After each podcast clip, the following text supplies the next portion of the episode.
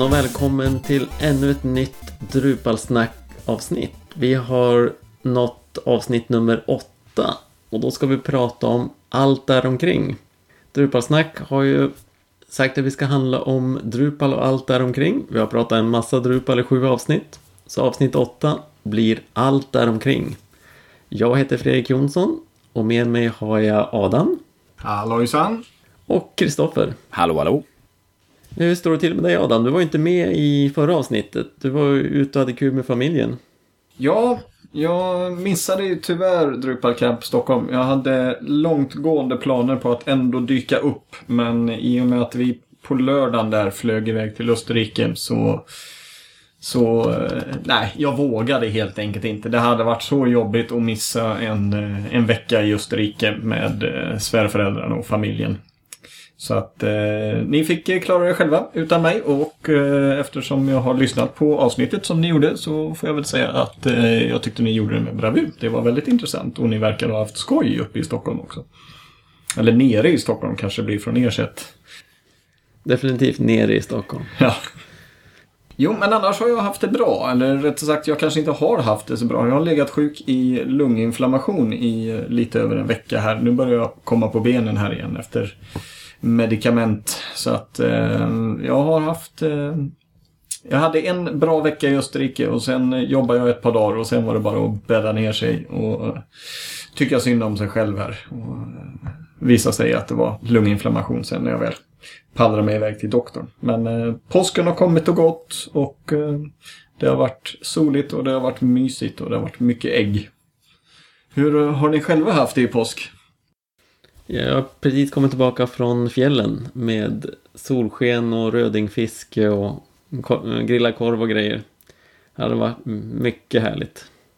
Ja, och för min del så har det varit mest hemma. Vi var hos mina föräldrar och jag hade bror från Stockholm som var uppe med familj. Så att det var det, det var det familjetid där nu, men på hemmaplan. Sen så åkte jag ju på en förkylning igår, men eh, nu är jag på bättringsvägen. De har varit sjuka båda två. Ja. Jag tror lunginflammation lät värre än förkylning faktiskt. Du, Så du, Adam får, vinner den här. du, får, du får ge det några dagar. Det började som en liten förkylning också, men sen, sen blev det lunginflammation. Så att eh, Kristoffer kanske kommer igen här på upploppet. Det hoppas jag inte. Du får gärna vinna det här. Ja, jag vet inte ifall man kan säga att jag vann. Allt däromkring. Vi har ju eh, radat upp en del grejer här som vi vill ta upp. Och vi börjar ju med en av de viktiga grundpelarna när det gäller utveckling. Vad dricker vi för att hålla oss igång? Vem känner sig ihåg att börja? Ja, jag, jag bara kastar ut det där. Jag dricker allt. Jag dricker kaffe, jag dricker te och jag dricker framförallt Coca-Cola. Eh, och jag har... Eh, jag har inga skrupler. kan man säga så? Ja, för min del så är det ju som så att jag, eh, kaffe dricker jag inte, förutom på kundmöte, då tar jag med en slurk. Men i alla fall så, jag tycker egentligen inte om det hela och min mage blir konstig så att jag, jag är ingen kaffedrickare. Men kundmöte, då ska man vara artig och trevlig och så behöver man vara pigg, för det har eh, kaffe den effekten på mig att jag blir väldigt pigg. Så i övrigt så, eh, ja, jag dricker väldigt mycket vatten bara. Eh, jag skulle nog vilja dricka energidrycker och dricka och sånt, men jag vet att jag kommer inte kunna sluta dricka det hela då, så att därför låter jag bli. Själv tar jag en... Eh, jag tar gärna en kopp kaffe efter maten men eh, när jag sitter och jobbar då är det 100% te som gäller. Gärna en riktigt fin kopp eh, Darjeeling-te. Och du är en sån här finsmakare va, med utländskt eh, färsk importerat te också va? Har jag haft turen att få besöka Darjeeling så jag har tillbringat en hel del tid där. Och så jag har dels handlat en hel del där men nu för tiden så beställer jag från en leverantör där. Så jag får en, eh, en sändning varje halvår ungefär. Se där. Vad, vad, vanligt enkelt påste från Coop. Vad, vad tycker du om det då? Vatten är bra. Vatten är bra. Okej. Riktigt fint te är en klass för sig. Hur, eh, vilken, eh, vilken falang tillhör du då? Eh, vatten först, te sen eller te först, vatten på? Tesil och så häller man på vattnet. Och låter det strömma igenom bladen? Ja. Mm. Så två och en halv minut och så tar man bort tebladen. Oj, oj. Och inte allt för, um, för hett vatten. Nähä, okej. 85 85-90 grader sådär. Varför detta? Därför att det blir godare då. Skäl så gott som något. Det är som riktigt bra kaffe när du får en sån här en espresso som är sådär bitter. Har jag fått lära mig beror på att man har eh, för hög värme på maskinen. Man får ett sötare, god, en min godare espresso om man mm, tar ner värmen några hack. Darjeeling-te, det är alltså eh, svart te. Stämmer detta? De, det finns grönt te också. Det finns grönt Men grönt te så dricker jag ofta något japanskt grönt te. Mm. Det gör jag upp till frukost på morgonen. Men eh, det mesta Darjeeling te är, är svart. Hur ställer du dig till rött te? Som egentligen inte är te, men eh, vad tycker du om det? Ja, det är väl kul att dricka det också, men det är inte, ingen favorit. Det är inte så mycket... eh, Det är, det är väl det som inte har något um, koffein och sånt i sig. Nej, precis. Det är ju gjort på roibos-buskens bark. Eh, och eh, sägs ha lugnande effekt. Mm. Och som du säger då, inget koffein. Eh, Det är väl bra att ge till barn och sånt. Det är jättebra att ge till barn, speciellt om de är lite kassa i magen. Har vi märkt. Vi har gett vår äldsta dotter det vid vissa tillfällen då hennes mage har krånglat. Och det har faktiskt det har funkat bra. Och jag och min fru dricker mycket rött te, eller drack väldigt Mm. mycket rött te tidigare. Eh, men eh, för er som, som känner er manade att eh, pröva på rött te så välj inte original eller välj inte naturell för att det smakar som gödsel. Eller gammal halm. Ta gärna någonting med någon fruktsmak eller något sånt där så att det, det smakar någonting gott i alla fall. Är det lugnande på samma sätt som kamomillte till exempel? Om du jämför dem. Eh, handen på hjärtat, jag kan nog inte komma ihåg att jag har druckit kamomillte. Mm. Eh, men eh, rött te, ja, lugnande. Det, det kan jag nog skriva under på. Te är trevligt. I alla former nästan. Mm. Känns så civiliserat och avslappnande och Vad var det han sa? Te, det var väl te som byggde det brittiska imperiet. Så att man ska inte vara sämre än det. När de började med tepåsar gick det under. Ja, för eh, vi har ju också det här Boston Tea Party som ändrade saker och ting också. Så att, Ja, ja, så där, så där. Sant.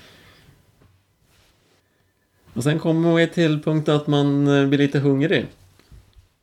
Vad gör ni då? Ska Kristoffer få köra här? ja, jo, vi... eh, Så här, på mitt jobb så har vi haft lite olika stilar där angående lunchmaten. Eh, många utav oss har med sig eh, lunchlådor, eh, gårdagens middag som man får äta igen eh, av varierande kvalitet.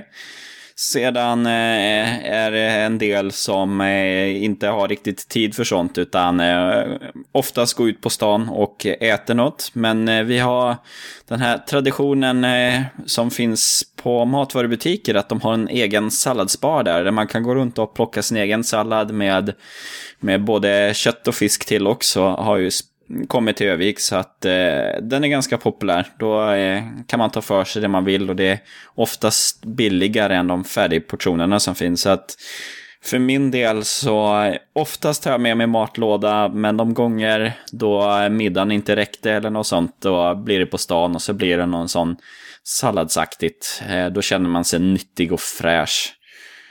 Um, så det är väl det, men eh, det skulle ju vara gott att gå ut och äta pizza varje gång, men jag tror inte min, eh, min kodning kommer att bli så bra då. Då sitter man med eh, matkoma och bara däser hela eftermiddagen. Och du Adam?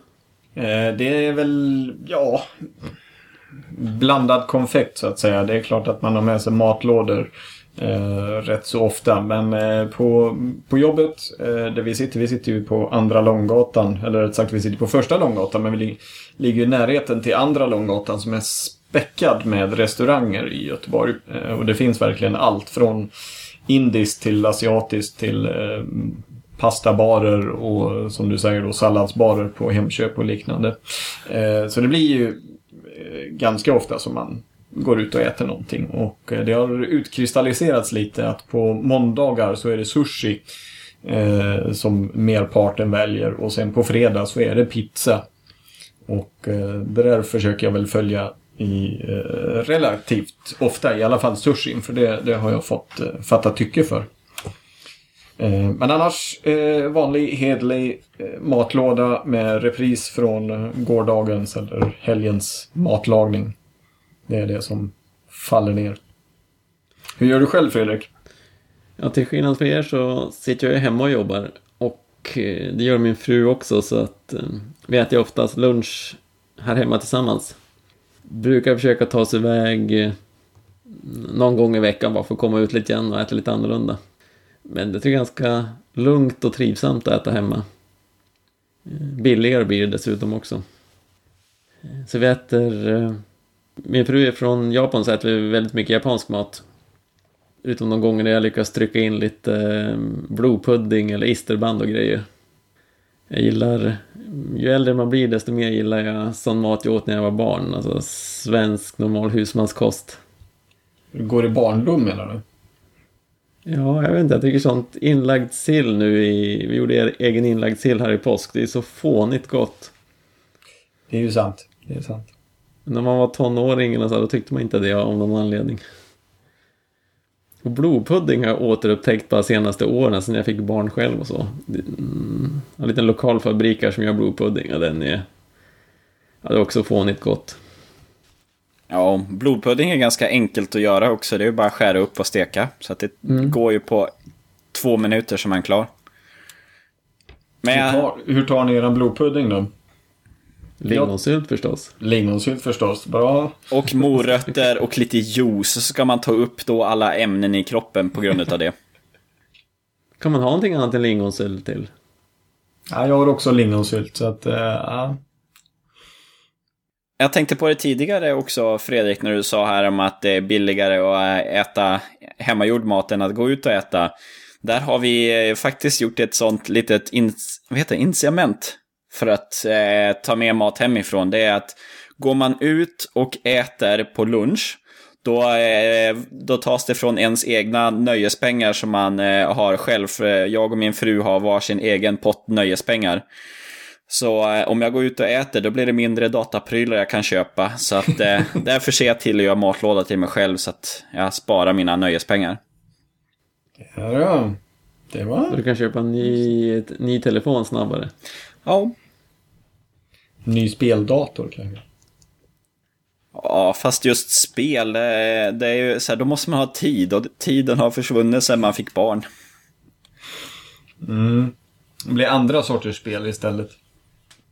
Ja, ja. Vänta bara tills dottern blir så pass stor så man kan spela tillsammans med henne. Det, då är det bra. Ja.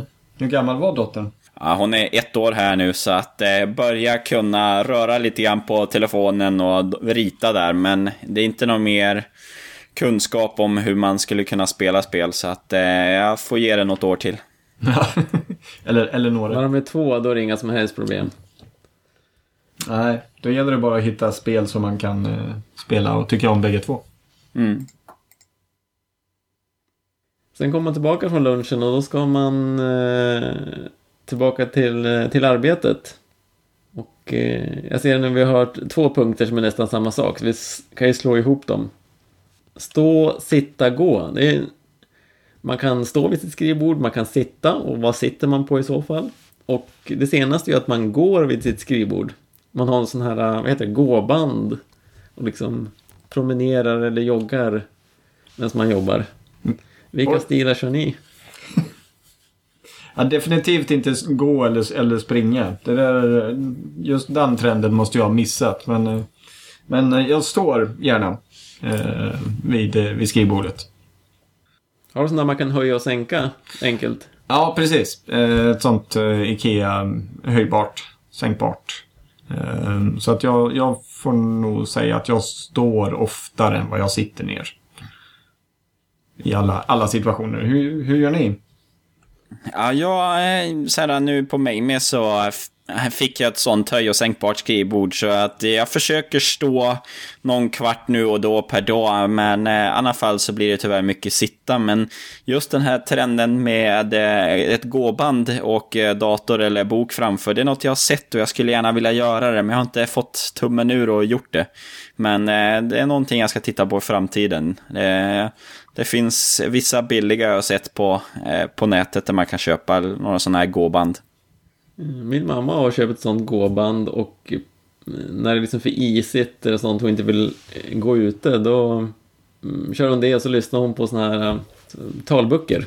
Eller på radioföljetong och sånt. Hon tycker det är superbra tycker hon. Men själv så, jag sitter på en alldeles för dålig sorts stol. Jag har funderat länge på att köpa någon riktig kontorstol men jag har aldrig fått tummen ur. Däremot så är försöker att inte sitta så jättelånga perioder. Utan eh, jag försöker att baka lite bröd på dagen eller eh, se till att ha grejerna för att göra te på en annan våning i huset så jag måste knata iväg dit och röra på mig lite grann med jämna mellanrum. Jag tycker det fungerar riktigt bra. Mm. Nej, att just komma ifrån skrivbordet är nog ganska viktigt. Eh, det är ju tyvärr att har man mycket jobb och, eh, och man har lunchlåda så blir det väldigt lätt att man äter den vid skrivbordet. Eh, för att eh, man tycker att man ska bli mer produktiv. Men det kanske funkar den dagen, men det funkar ju inte i längden. Nej, jag tror jag håller med dig. Man, man ska nog försöka ta pauser lite då och då. Bara sträcka på sig. Och och jag vet att på, på Kodamera där jag jobbar så är fikarasterna de är nästan, jag ska inte säga slaviska, men eh, det man, man tar dem, liksom, man går iväg och sätter sig i soffan istället och sitter och tjötar lite och får en, en bortkoppling från, från jobbet. Och så kan man komma tillbaka med förnyade resurser och nya tankar, nya synsätt och så. Och så får man röra lite på sig också. Våra kroppar är gjorda för att röra på sig. Jag tror att det är en otroligt viktig del att det kan vara bra grejer med att man faktiskt går ut och äter. Även om man kanske inte går så långt så kommer man sig iväg någonstans i alla fall. Mm. Ja, och sen de här gemensamma fikapauserna har ju fördelen att då kan man ju hugga en, eller få kontakt med en kollega kanske jag ska säga, eh, på ett enklare sätt än att störa en mitt i något intensivt arbete. För har den kollegan gått och fikat så då kan man ställa en fråga där väldigt enkelt. Så att eh, det har ju en fördel. Absolut. Ehm, jag tänkte på det här nu med eh, arbetsmiljön där. Hur sitter ni som, du Fredrik sitter ju, hemma, men eh, är det kontorslandskap som gäller för er Adam? Eller har ni egna bås eller egna rum till och med?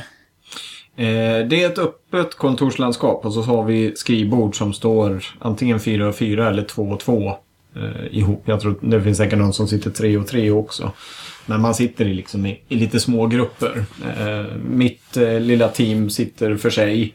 Eh, tre, fyra meter bort så sitter utvecklings, ett utav utvecklingsteamen. Eh, och sen på andra sidan lokalen, eh, på andra sidan kök och sånt så sitter eh, affärsteamet för sig och eh, ytterligare ett utvecklingsteam för sig. Så att vi sitter samlat men ändå öppet och eh, Eh, det, jag tycker det är väldigt det är väldigt trevligt. Även om man ibland då behöver prata i telefon eh, så ja, vi, vi verkar inte störa så mycket av varandra på det sättet. Det är en glad och uppsluppen atmosfär. Och sen, har vi ju, sen sitter vi på sjunde våningen också. Så att vi har ju utsikt över eh, Göta, Göta älv som flyter genom Göteborg där. Så att soliga dagar så är det väldigt lätt att titta ut och bara njuta av utsikten.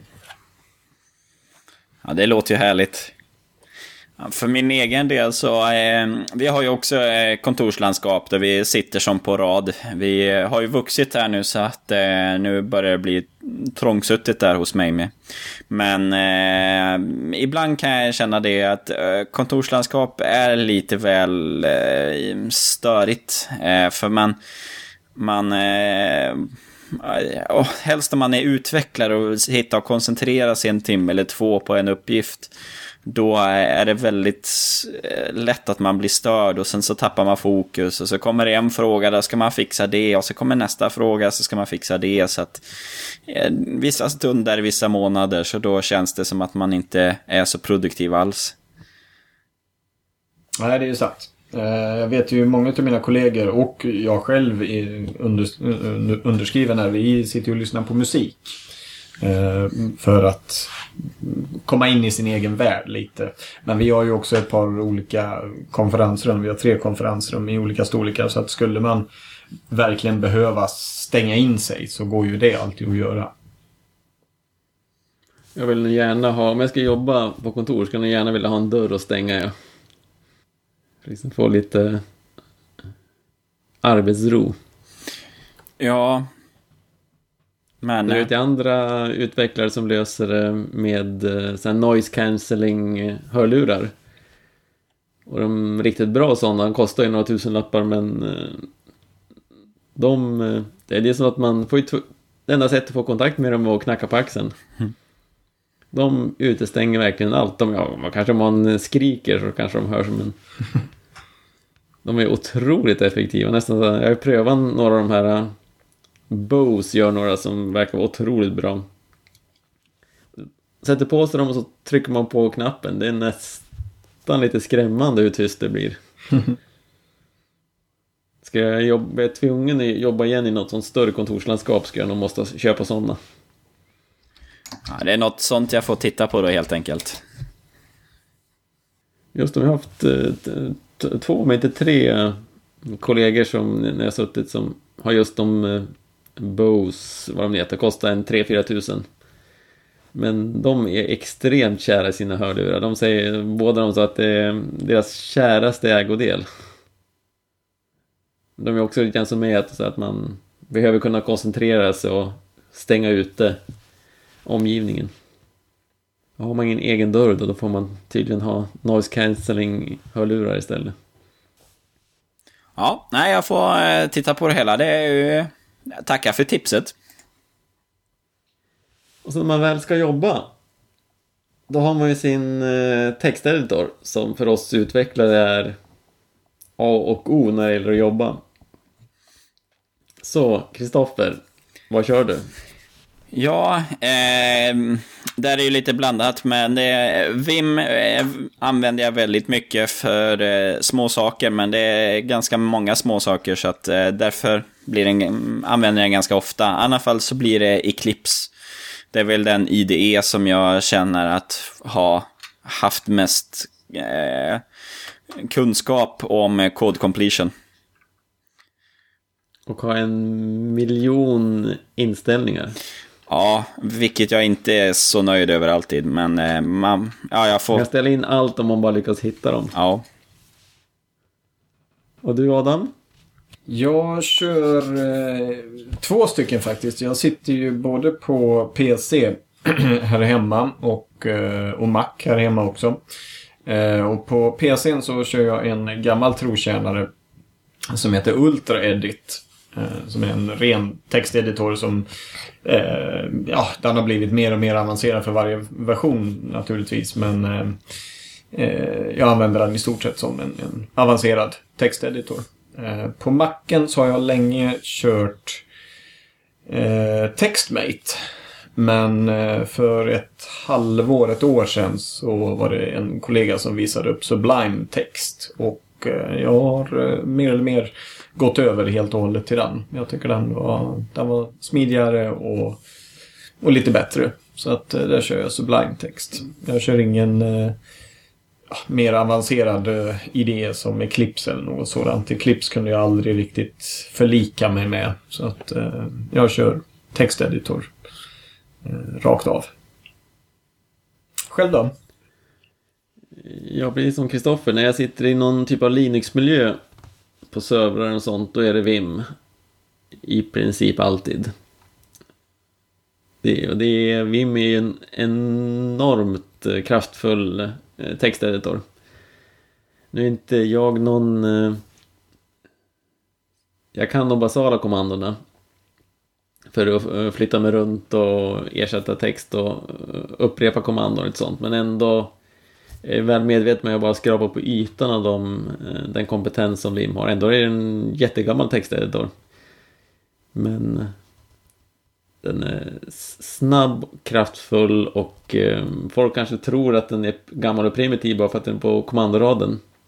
Men det är verkligen inte så. Och det finns ju GUIn för den också så att man kan både på Mac och Windows kan köra den i grafiskt och i Linux också förstås. Men jag kör den bara på kommandoraden. Sen eh, men min huvudeditor på macken där jag sitter och jobbar det är sen en oherrans massa år tillbaka i tiden så är det BB-edit. It still doesn't suck som de säger. Eh, från, eh, från Barebones. Det är en extremt solid produkt. Som jag har förlitat mig på som sagt i en, en väldig massa år. De två funktioner jag verkligen frider mig på där det är diff-funktionen och eh, regex-stödet när det gäller sök ersätt. Jag tycker de två killerfunktionerna. Jag tittade på, på Textmate för det är ju väldigt populär editor men av någon orsak så nej den inte riktigt föll mig i smaken även om det egentligen inte kunde hitta något fel på den. Den där Sublime har jag, det är många som har hakat på den men jag har inte tagit mig tid att testa den riktigt. Men det är svårt att tro att jag lämnar BB-edit. Jag har lagt ner... Alltså man lär sig muskelminnen och har byggt en hel del skript och grejer kring den. Jag har byggt mina egna clippings för den. En clippings för att få autocomplete för Drupal och alla Drupal hooks och sånt där. Kan ni hitta på GitHub eh, för de som är intresserade. Har ni någon, några andra texteditorer eller idéer som ni har tittat på som ni tyckt verkar intressanta? Som ni kanske tänkte att det här kanske kan bli någonting nytt jag kan använda? Vi har ju, eh, jag och en kompis, fördjupa oss i Vim eh, mer och att titta på de avancerade sakerna. Typ att formatera kod bara med ett kommando och lite sådana saker. Och få in code completion till Vim. Eh, det går ju, men det är ju lite inställningar och man måste ju se till att det fungerar mellan sina maskiner. För att om man installerar plugin så måste det göras på alla maskiner. Så att, ja, vi ska kolla och se lite grann hur det fungerar. Ehm, sen kommer jag att tänka på, jag använder en del eh, Notepad++ och sedan eh, Textpad. Eh, det är två olika enkla eh, editorer som jag använder i Windows.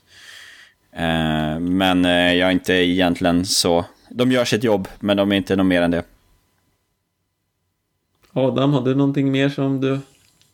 Nej, eh, faktiskt inte. Notepad++ har man ju använt någon gång också men eh, det, var, det var ett tag sedan.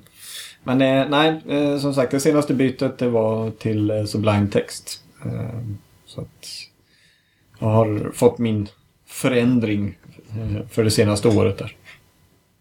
Så när man skrivit all kod så behöver en, mm, hela ens projekt behöver hanteras på något sätt. Jag kan ju nämna att här för um, Drupalsnack, det vi sitter och tittar på just nu när vi gör det här programmet och hur vi planerar programmet är ju Trello som har blivit eh, väldigt populärt bland en himla massa Drupal-utvecklare och många andra naturligtvis men jag tror de flesta Drupal-team som, som jag jobbar med i alla fall, de kör Trello. Eh, vad kör ni för någonting? Ja, eh, där har vi mig med haft lite olika eh, tills vi har hittat. Nu kör vi något som heter Work etc. Eh, vi håller på att testa ut det hela så att eh, vi har väl än inte möjlighet att säga bu eller bä på det hela. Den har en bra integration mot eh, Google Apps. Så att eh, därför så har vi ju valt det hela. Och det är ju en, det är ju en helhetslösning för eh, projekthantering, tidsredovisning och eh, dokumentation och eh, to-do-listor. Så att eh, det är ett stort system. Eh, så därför måste vi ge det lite tid för att se hur det egentligen funkar så. Och du Adam, vad har du för erfarenhet av olika system? Mm, eh, främst två skulle jag vilja säga. Ett eh, som heter Active Collab som eh, släpptes i en ny version i höstas tror jag, eller förra sommaren i alla fall. Eh, det är det systemet som Kodamera har kört väldigt länge. Men eh, det... Vi har mer eller mindre gått över till att jobba mer i Basecamp och det jobbar jag själv också. Eh, bland annat med Drupal Camp Göteborg här. Eh, kör vi också Basecamp. Och eh, det tycker jag fungerar det fungerar bra utifrån de projekten som jag själv hanterar och då är det ju campet.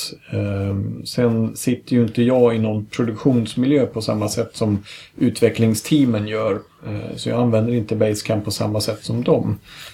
Utan Basecamp i mitt jobb blir mer en eh, jag ska inte säga to-do-lista bara för det är att, skriva ner Basecamp väldigt mycket men det blir ett, ett sätt att hålla ordning på de punkter som behöver jobbas med under, under längre tider. Eh, annars eh, på det privata planet, förutom Basecamp, så har jag tittat en del på Wunderlist och Wunderkit. Eh, och eh, har använt det lite vid sidan om sådär. Jag tycker att det fungerar bra. Lite mer avancerade to-do-listor. Men det är väl de, de systemen som, som jag har erfarenhet av. Gillar ni systemen ni använder?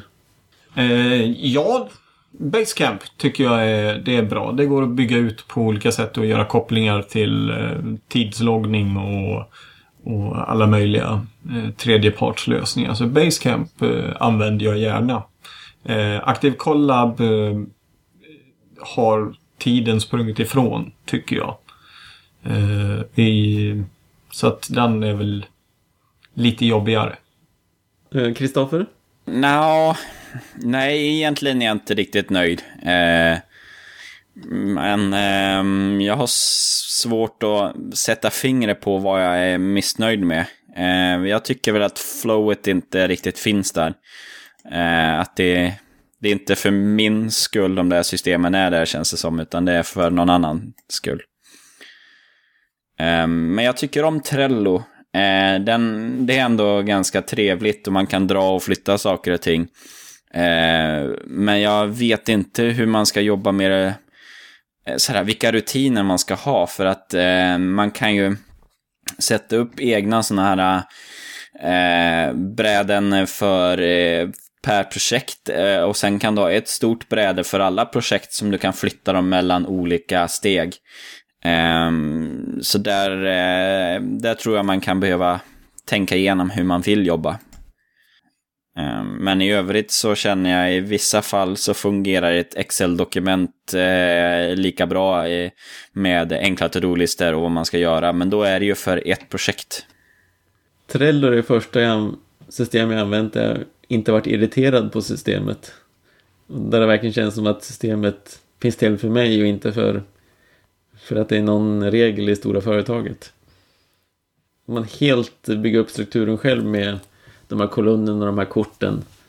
Att, eh, precis som nu när vi sitter här tillsammans, vi sitter ju mm, via Skype och spelar in det här. Och eh, när vi flyttar de här korten så, här, så ser vi alla tre allting som händer i realtid. Eller det, han, det är under en sekund det tar att uppdatera eh, i min erfarenhet. Otroligt snabbt. Och inte en massa sidor att klicka sig runt mellan utan allting finns på, eh, på en enda sida. Och det finns mer avancerade funktioner än man först eh, tror i systemet. Skrapat lite på ytan så finns det en hel del roliga saker. Ja, och det är väl det jag känner med Trello, att man, det är ett väldigt öppet Eh, system så att man måste själv sitta ner och fundera hur vill jag jobba som? För systemet kan lösa allt. Det är inte att man är styrt av det hur saker och ting ska lösas. Mm. Nej, man blir som säger, man måste ju fundera ut hur man vill eh, sköta sin projekthantering. Men sen kan man nog få till det mesta i, i Trello. Det är inte perfekt för allt naturligtvis, men... Eh, du har ju också testat Trello nu, Adam. Känner du att... Mm. Skulle du kunna tänka dig använda det för några egna grejer? Um, ja, Ja, absolut. Men som du säger, man får nog sätta sig ner och, och bena ut hur man skulle vilja ha strukturen. Um, nu har jag ju sett hur vi har använt det här när vi har spelat in eh, Drupal-snack. Och det fungerar ju otroligt bra. Men eh, just det här upplägget kanske inte fungerar när man ska sätta sig och, och bygga en ny webbplats eller, eller ha något annat sorts projekt. Men eh, nej, absolut. Eh, jag övervägde att köra Trello eh, när vi drog igång förberedelserna för Drupal Camp Göteborg här. Som går av stapeln i maj. Men vi valde Basecamp för det var, det var många som tyckte att det var, det var ett vant gränssnitt. Så att, då körde vi på det istället. Mm. Men absolut, Trello de tillhör, de tillhör båda alltså en ny generation av moderna webbappar. Mm. Känner ni till några fler sådana alltså, moderna webbappsystem för projekthantering? Jag borde ju göra det. Jag och min kollega eh, gick igenom eh, 30-tal tror jag för Corameras räkning eh, för ett par år sedan. Eh, innan vi beslutade vad vi skulle byta till för system. Men eh, jag får nog säga att den där genomgången den är låst och eh, förseglad och undangömd. Ja, nyligen registrerat mig på något som heter, kolla här vad appen heter, Pivotal Tracker.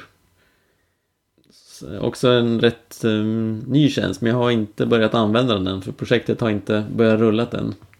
Så jag har ingen aning om hur, hur bra det är men det verkar också vara ett, ett eh, rätt modernt system. Och sen behöver man ju prata med varandra ibland. Eh, speciellt om man som jag inte eh, sitter med de team som man jobbar med. Så gruppkommunikation. Det klassiska är för att köra e-post.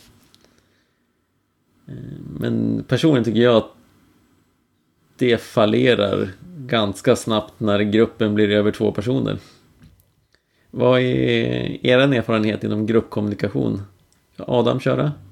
Eh, vi har en eh, rejäl blandning. Eh, nej, så ska jag inte säga. Vi har eh, lite olika eh, kanaler för vår kommunikation på företaget.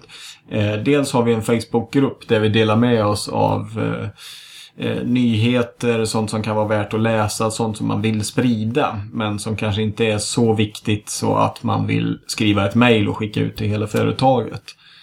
Ehm, sen så kommer ju mail eh, på andra plats där skulle jag vilja säga. Det skickas mycket mail fram och tillbaks. Eh, tycker att det fungerar bra eh, även när man får med sig en tre, fyra personer. får nog säga att jag inte riktigt håller med dig där. Det är inte alltid så att det är en som glömmer att köra reply to all och så. Sen sitter man där. Ja, just det. Och, och, det. och det var just det mejlet där allt det viktiga stod. Ja. Så bifogar man filer och så vet man aldrig vilken som är senaste versionen. Nej, det är ju sant. Eh, och där kommer ju faktiskt Basecamp in i bilden just när det gäller att hålla ordning på olika filer och, och även diskussioner.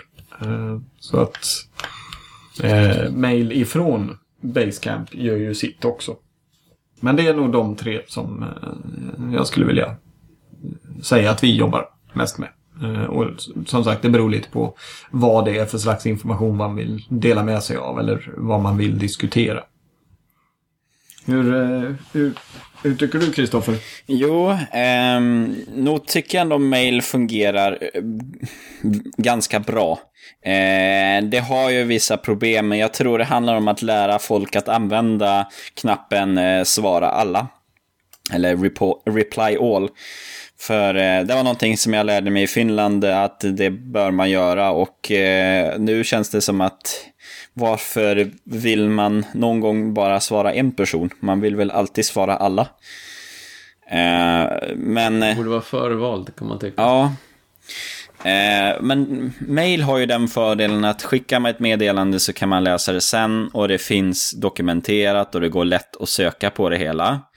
Eh, sen är det ju som sagt, det är ju svårt att versionshantera mail på det sättet. Att nu har det kommit en uppdaterad sak. Så därför behöver man ju andra typer där antingen så är det ett eh, Google-dokument eh, på Google Drive. Där man eh, kan hålla reda på versioner utav text. Eller så eh, Ja, eller har i Git eller något sånt system. Eh, vi kör ju också Eh, Dropbox. Där kan man ju lägga mm, bilder och eh, dokument. Vi jobbar ju en hel del med bilder så därför är det ju bra att använda Dropbox då. Då det kan vara tungt att skicka stora bilder. Helst med de nya kamerorna, eh, systemkamerorna som kan ta bilder som är 30-40 megabyte i råkvalitet. För att man måste ha råkvalitet och då, då vill man inte skicka sånt via mail. Då är det bättre med eh, Dropbox. Eh, men sen så, mycket av gruppkommunikationen tycker jag man också täcker in i projekthanteringen. Eh, att där kan man ju skriva ner saker och ting eh, för att för att nå ut och kunna dokumentera det hela. Där är ju det bättre än ett mail. Och du då Fredrik, vad tycker du om gruppkommunikation? Alltså, som alltså, e-post försöker jag undvika. Eh, jag... Eh, mina kunder försöker dels eh, köra Trello en hel del för kommunikationen. Man kör kommentarer och sånt på, på korten för grejer. Och så har jag börjat använda det som jag också använder här på för oss på Drupalsnack en tjänst som heter Glassboard. Om ni känner till NetNewsWire på på Macen eller Feedreader på, i Windows. De utvecklarna har gått ihop med några andra och eh, har startat en tjänst som heter Glassboard som är som Facebook fast tvärtom. Man eh, skapar små grupper och eh, är jag med i en grupp så de som personerna som är med i den gruppen kan inte se att jag är med i andra grupper utan det, det enda sättet man, man, kan se också att en grupp existerar är att man blir inbjuden till den. Ingenting är sökbart utifrån internet utan det är, och allt är krypterat och så förstås. Eh, jag har ersatt mycket eh, små e-postlistor och mm, gruppkommunikation eh, på e-post med Glassboard-grupper. Och inte alltid, men ganska ofta tycker jag det fungerar riktigt bra. Och där man kan ju bifoga filer och sånt där och alla ser alltid allting och man kan ha det enkelt i sin smartphone och få notifieringar och sånt där. Mm, så det är väl min, ja Glassboard är min föredragna gruppkommunikation idag. Ja, och där tyckte jag ändå Glassboard var väldigt trevligt. Den har ju alla de där funktionerna som man vill ha i en Facebookgrupp. Men man vet att det här är privat och det kommer inte släppas ut någonstans. Så att, eh, det tycker jag var en väldigt bra eh, tjänst. Mm. Men det är ju det, det är ju det är en freemium, eh, premium modell så att eh, eh, gratisvarianten eh, den täcker ju basbehoven men sen om man ska använda det fullt ut så då blir det ju premium som man får gå för. Men jag tänkte på det också med gruppkommunikation, jag använder det i vissa sammanhang, eh, Google Groups. Eh, det är ju en maillista.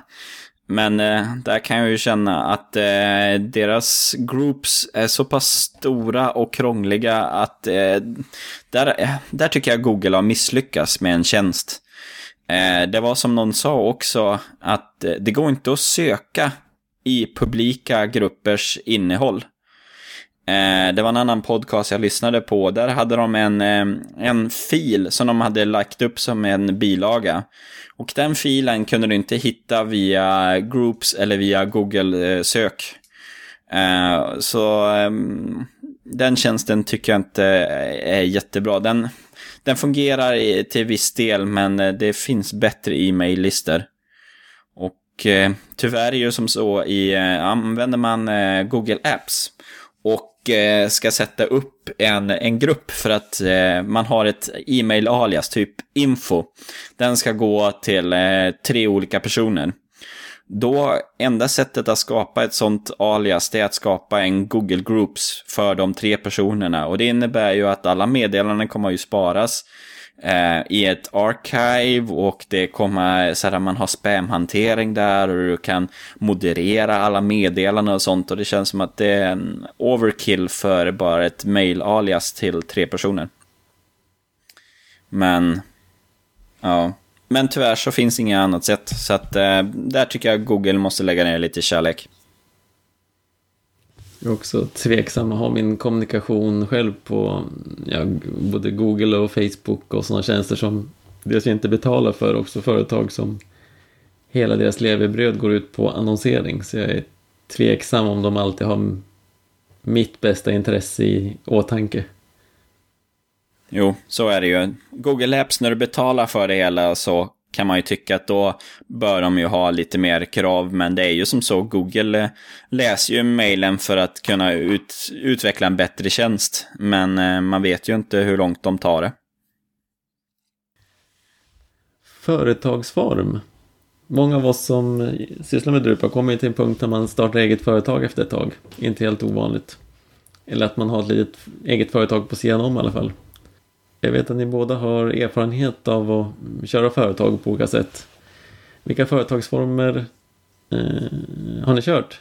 Ja, jag är, är nog snart inne på alla här nu. Eh, jag eh, startade ett eget företag för tio år sedan när jag utvecklade webbar tillsammans med två kompisar på gymnasietiden.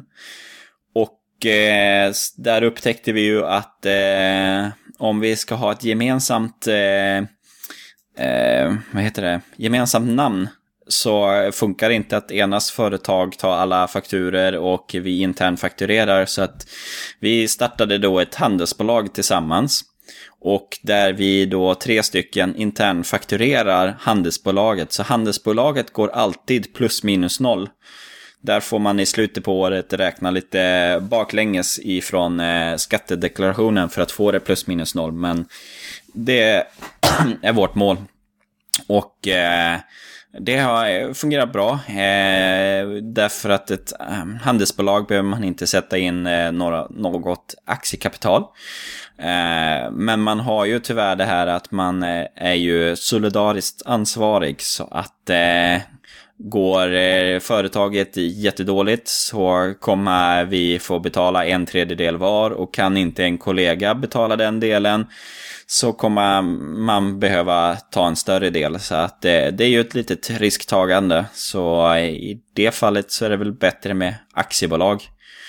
Eh, men eh, det är ju mig med som jag jobbar för, det är ju ett aktiebolag som jag är anställd utav. Så eh, där har jag ju då en riktig anställning. Eh, och byter tid mot månadslön. Och, men som sagt, jag har haft ett eget företag och ett handelsbolag på hobbybasis. Eh, och där var jag ju öppen innan anställningen att eh, jag hade det hela. För har man inte sånt öppet mot sin arbetsgivare så kan det bli väldigt mycket problem framöver. Så eh, det är någonting jag vill skicka ut till de som har egna företag, att vara öppen mot arbetsgivaren.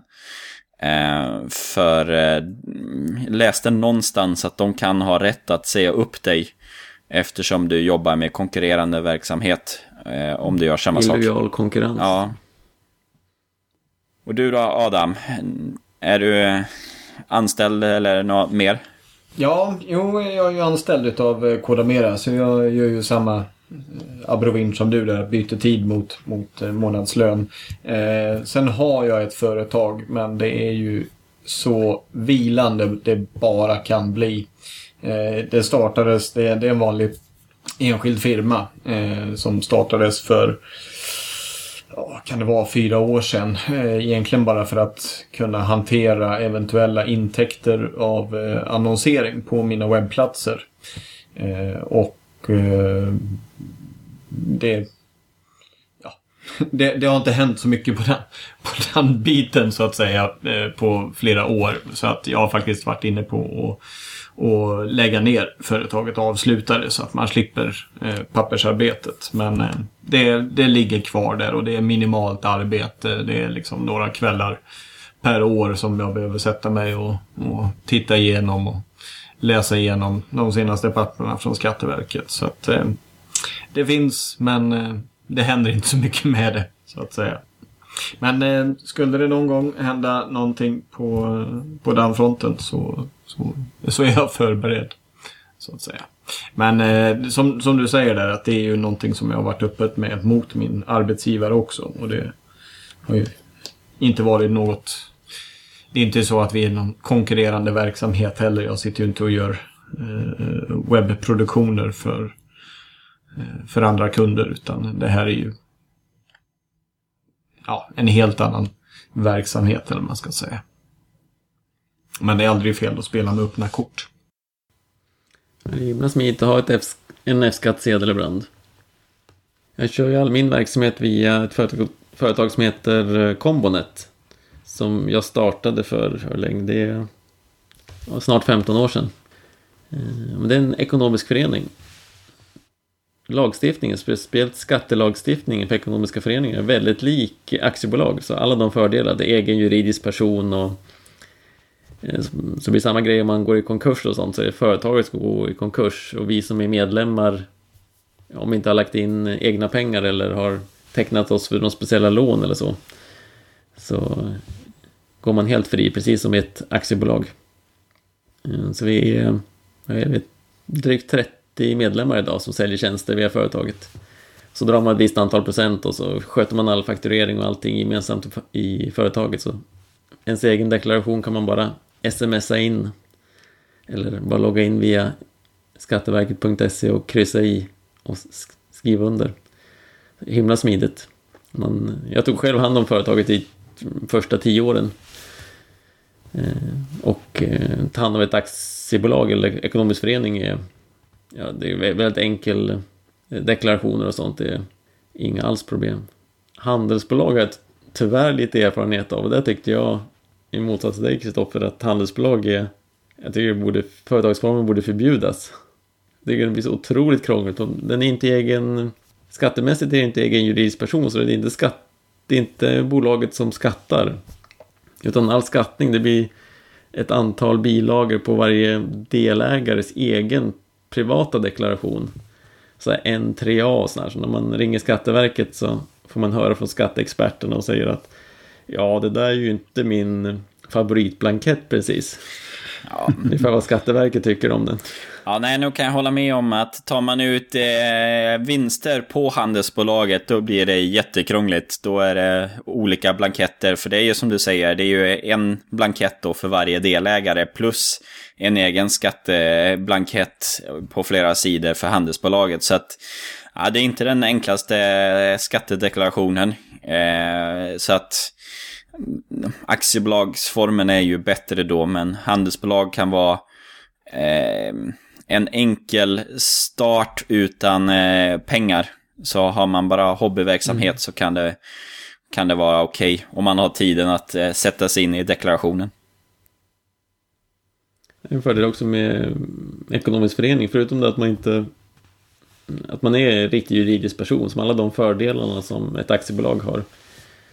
Men så har man eh, inte något krav på något aktiekapital alls. Och man behöver dessutom inte en auktoriserad revisor förrän man har en omsättning som är ett antal miljoner. När man har det så har man råd att betala en riktig revisor.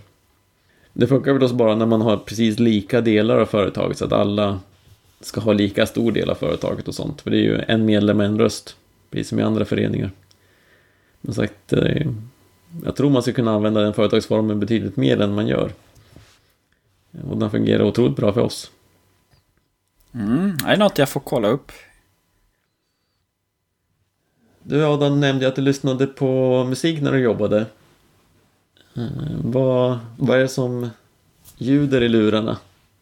Du, det är en rejäl blandning. Jag har fått många kommentarer för mina Spotify-listor. För där dväljer sig allt ifrån eh, tveksamma mixningar på gammal filmmusik till dubstep till... Eh, ja, kanske... Det finns nog säkert en och annan dansbandslåt också. Men eh, nej, det är väldigt, väldigt, väldigt blandat. Eh, I höstas kom jag in i ett dubstep-språk, eller stråk och lyssnade bara på det i över en månads tid. Ehm, eh, så det, det är lite vad som, vad som finns för dagen. Jag snöar ofta in på ett album och så lyssnar jag på det sådär i en vecka. Och sen hittar jag något annat och så lyssnar jag på det. Så att det, det är otrolig eh, blandning. För det här, jag är en allätare, det stämmer faktiskt in just när det kommer till musik. Eh, jag kan lyssna på det mesta jag säga. Um, men ska jag hitta några favoriter så, som jag gärna återkommer till så har jag en grupp som heter Deep Forest en fransk grupp om jag inte minns fel. Som har gett ut ett eh, 12-13 skivor genom åren. Eh, lite eh, inmixningar av eh, allehanda ljud och Eh, folkvisor blandat med eh, rytmer ifrån djungeln och lite ljudsamplingar.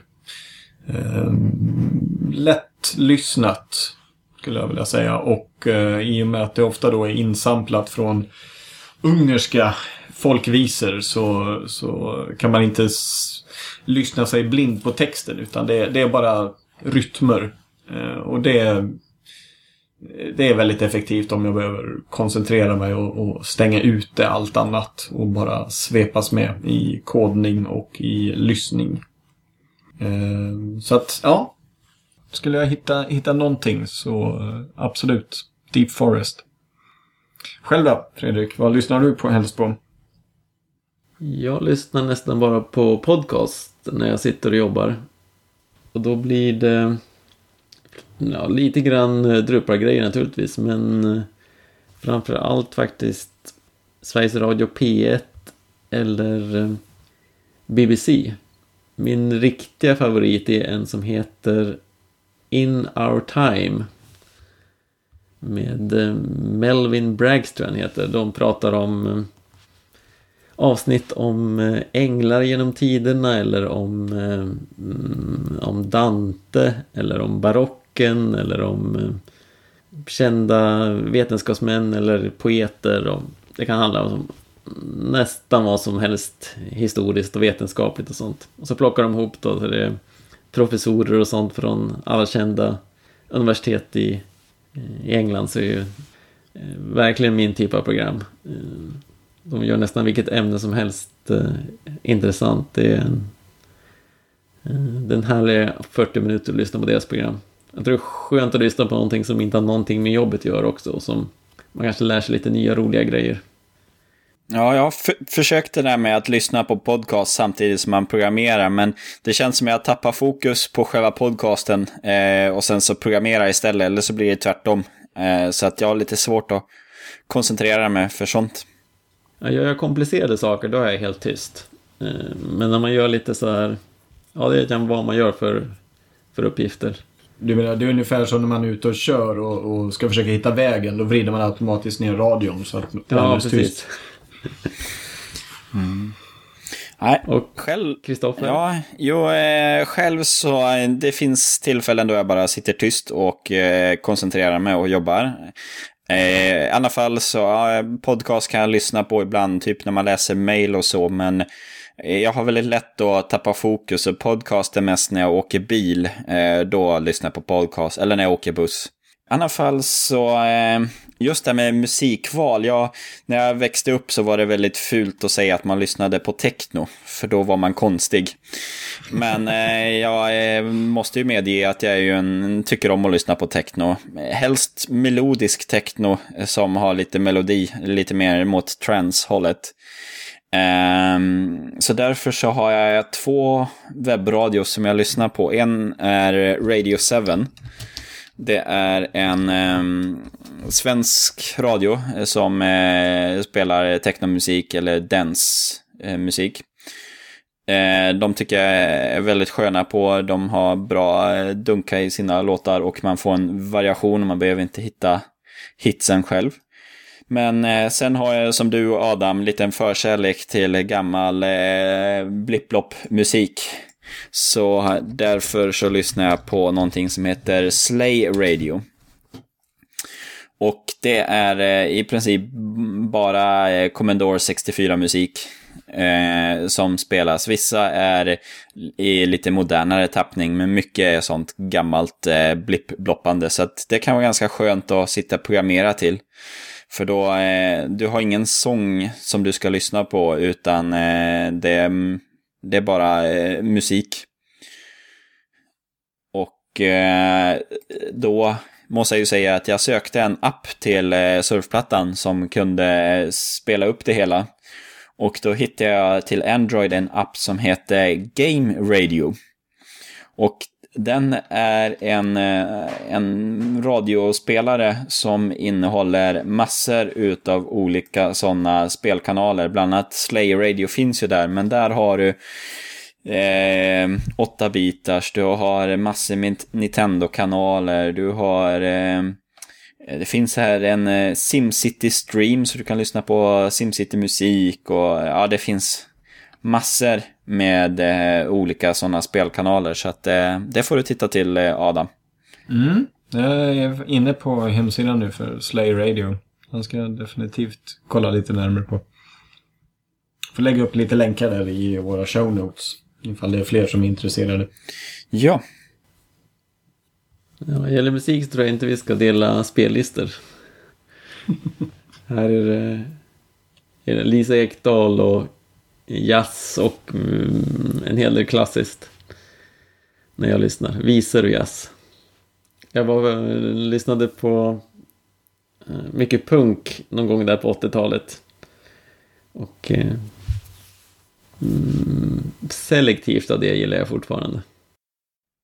Nej, man har ju en liten förkärlek till eh, musik som man lyssnade på i tonåren. Det, den, den tiden eh, upptäcker man att många lyssnar på den musiken då, som tar en tillbaka till den tiden. Ska vi lämna allt däromkring? Vi kan nog köra fler sådana program, det finns ju hur mycket som helst att ta upp.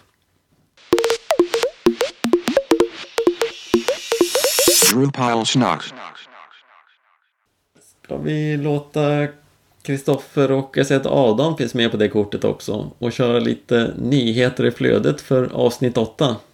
Varsågod. Ja, man kan ju börja med två stycken nyheter som jag tänkte säga till. Det är ju att det har kommit två säkerhetsuppdateringar för Rules och för Views. Eh, de är inte så allvarliga för man behöver administratörsrättighet på sajten för att få utnyttja den här eh, säkerhetsbristen. Men eh, det kan vara bra att uppdatera ändå för man vet aldrig hur folk lyckas ta sig in. Och eftersom det är två stora moduler så tänkte jag vi tipsar om det hela och själva kärnan har väl också några uppdateringar som kommit senaste månaden så att eh, det får ni gärna komma ihåg att eh, uppdatera. Och sen såg jag på IDG en eh, tvåsidig eh, artikel från eh, Dick Olsson. Det är någon som du känner Fredrik va? Ja, vi jobbar ju tillsammans nere på Al Jazeera i Qatar. Han jobbar ju kvar där fortfarande. Ja. Det är väl det artikeln handlar om. Ja, det är en väldigt eh, bra artikel tycker jag om honom och han, eh, hur det är att bo där nere och jobba där nere. Eh, titeln är ju Så här bra betalt får jag aldrig i Europa. Så jag tror du Fredrik gjorde ett litet eh, misstag att flytta hem. Eh, nog för att Dick eh, skriver också att det är inte så enkelt alltid att jobba där för att eh, företaget man jobbar på bestämmer när man får resa ut och in ur landet. Jag blev lite less på projekthanteringen. Eh, men eh, ja, helt klart så hade man kunnat spara ihop till delar av huslånet om man hade jobbat kvar ett par år. Men jag tycker det är kul ändå att ha en sån här äh, artikel i IDG om en open source-utvecklare och framförallt en Drupal-utvecklare och visa att det, det går att göra karriär inom det hela och äh, att det uppmärksammas. Verkligen. Och Dick är ju en himla trevlig och dessutom våldsamt kompetent kodare.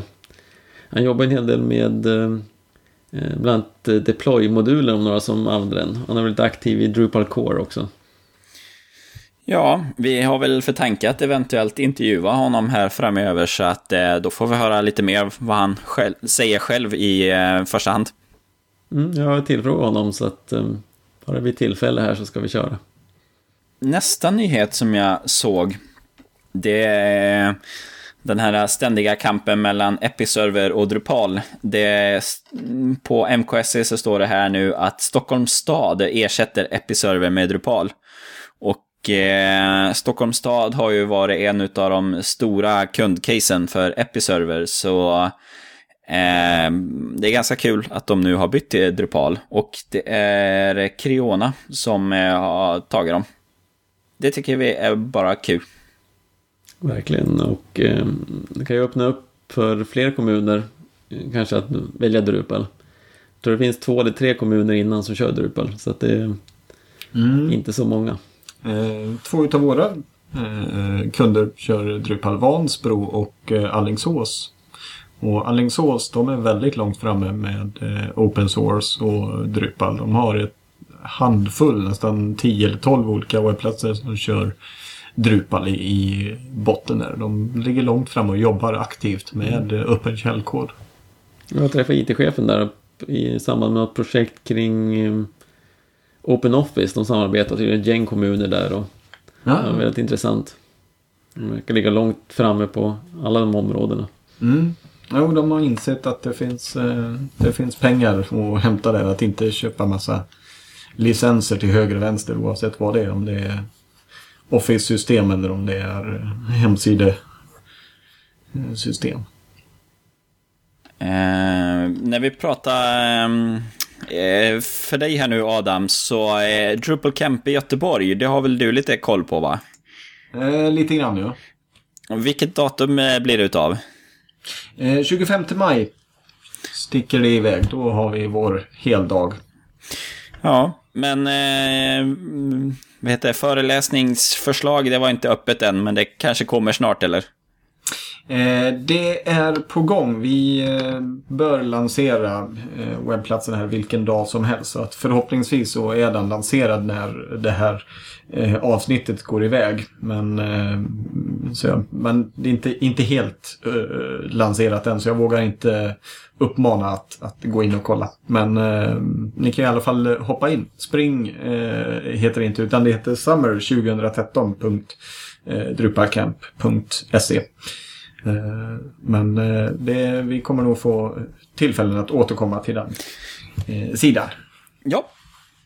Och eh, sen eh, nästa punkt som jag såg i min blogg, det var ju Drupal Association har just nu en ehm, undersökning som man kan svara på och det handlar om eh, de här medlemsstrukturen. För som det är just nu i Drupal Association så kan man bli antingen en eh, individuell medlem eller så kan man ha ett företag som är medlem. Och då betalar man olika taxor och eh, man får då en fin banner på eh, sin profil på drupal.org.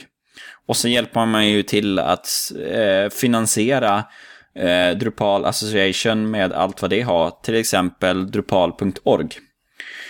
Men de håller på att fundera här nu om olika medlemsstrukturer, att kunna göra lite mer kategorier. Eh, så därför har de gjort en medlemsundersökning där man kan svara på och vad man tycker och olika alternativ för att eh, de har funderat på att ha Eh, antingen fortsätter man med individuella och organisationsmedlemskap och för varje eh, del så har man olika kategorier så att du kan bli plus eller premiummedlem. Och då blir det ju dyrare, men det är ju ett sätt att visa att man eh, också tror mer på Drupal och vill stödja det mer. Så att eh, eh det är ett alternativ. Och andra alternativet är att man eh, helt tar bort individuella eller eh, företagsmedlemskap, utan man har fem olika nivåer och då kan man köpa eh, nivå 5 för företaget och nivå 2 för, med, för ett individuellt medlemskap. Eller så kan man göra tvärtom. Så då kan man...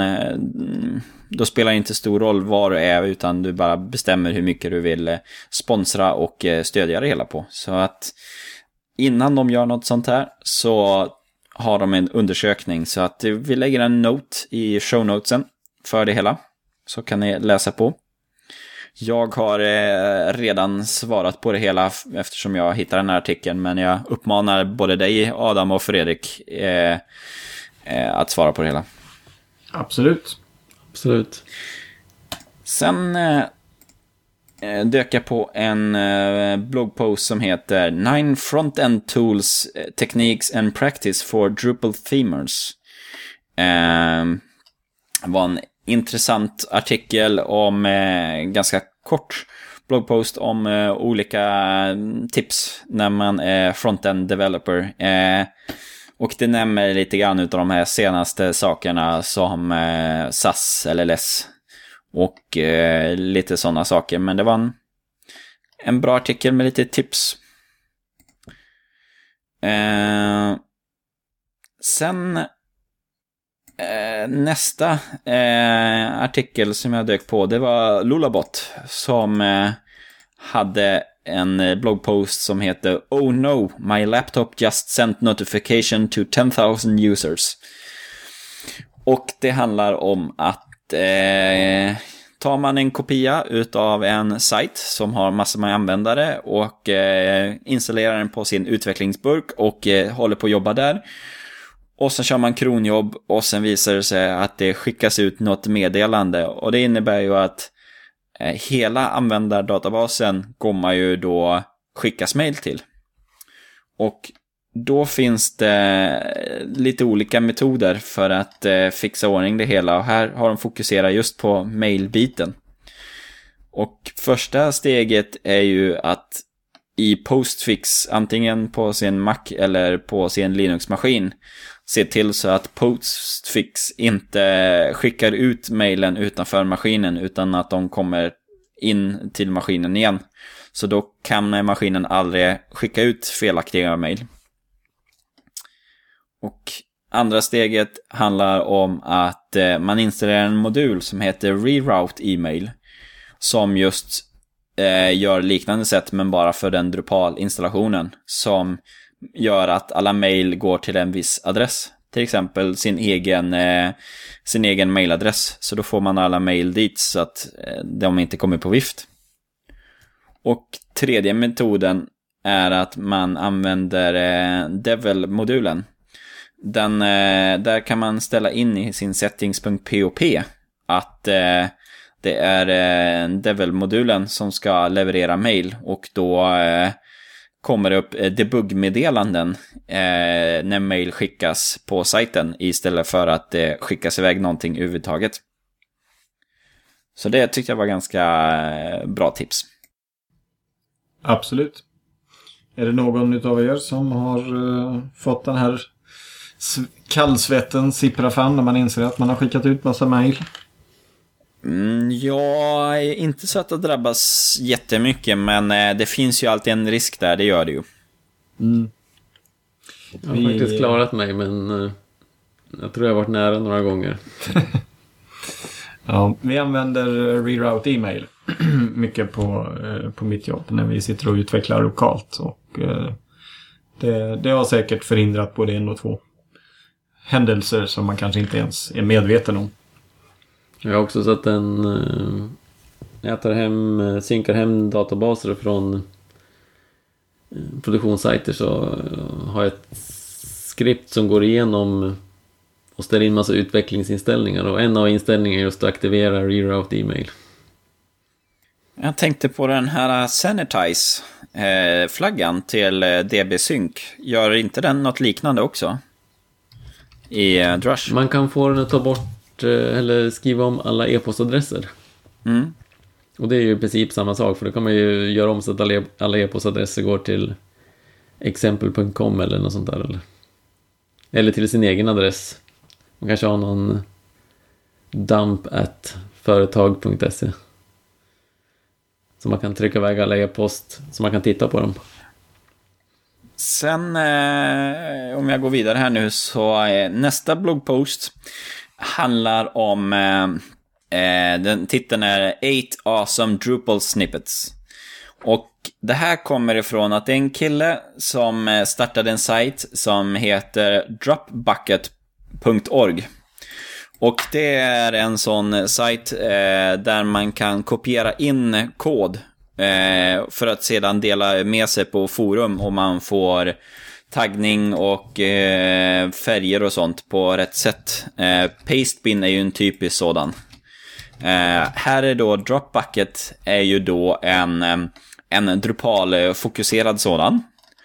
Och det Dropbucket har, det är att man också då kan eh, tagga och ratea de här eh, kodsnippet.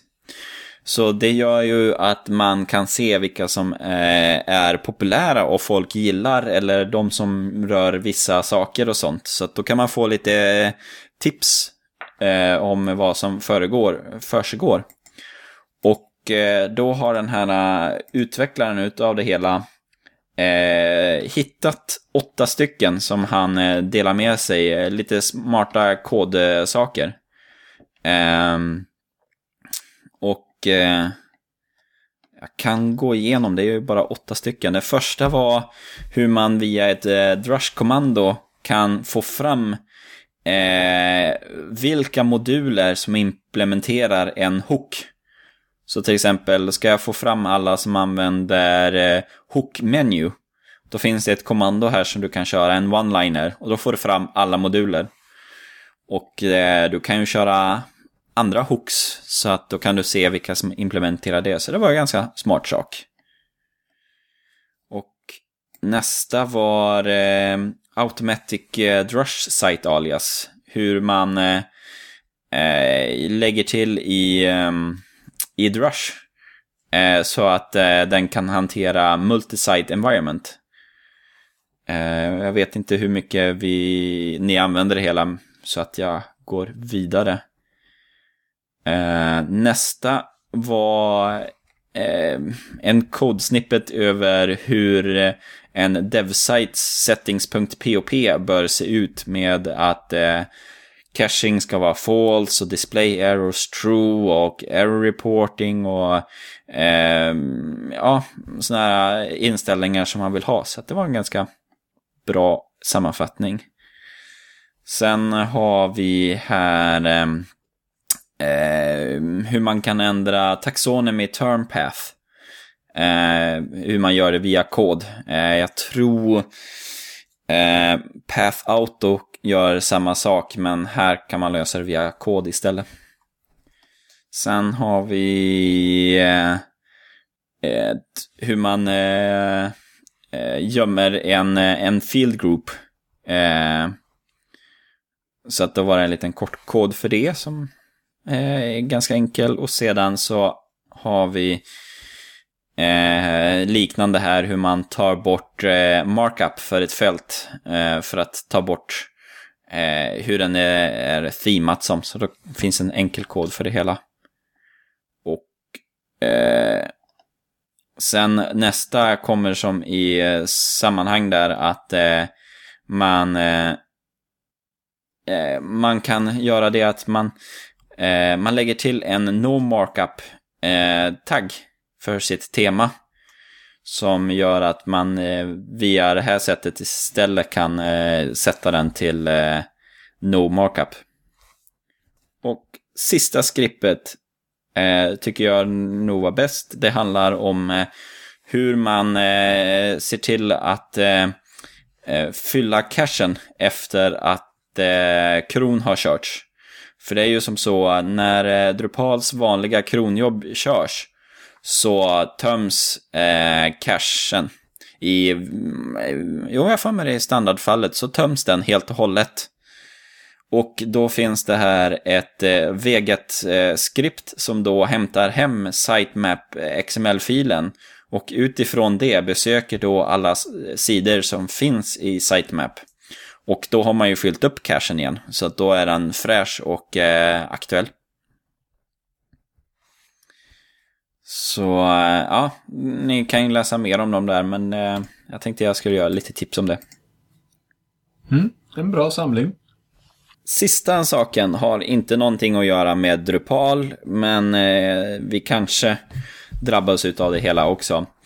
Det är nämligen som så att Mastercard har eh, gått till Paypal och säger att antingen måste vi veta eh, vilka butiker som det handlas i när någon använder Mastercard. Eller så måste Paypal betala ett högre pris.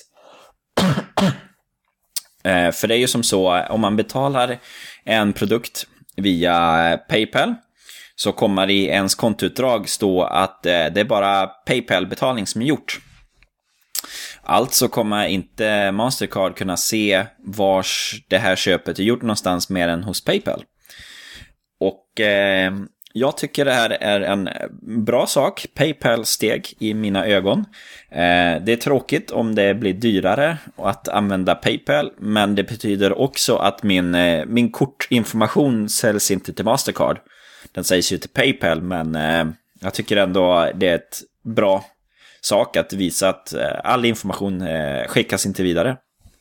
Ehm, så det var väl det jag hade i ehm, informationsflödet nu den här gången. Det var ett gäng, ordentligt gäng bra nyheter. Som vanligt. Eh, kan du kanske återupprepa vilka källor du använder för att hitta de här sakerna? Det kanske lyssnarna är intresserade av. Bara dra lite snabbt vilka ställen du tittar på. Ja, som sagt jag använder Google Reader eh, som är eh, utdöende så att där måste jag hitta någon annan sak. Eh, jag har tyckt det var en bra tjänst för man kan tagga blogginlägg så därför kan jag tagga dem och säga att det här hör till Drupalsnack. Och i huvudsak mina nyhetsflöden de kommer ifrån eh, Drupal Planet, deras RSS-flöde.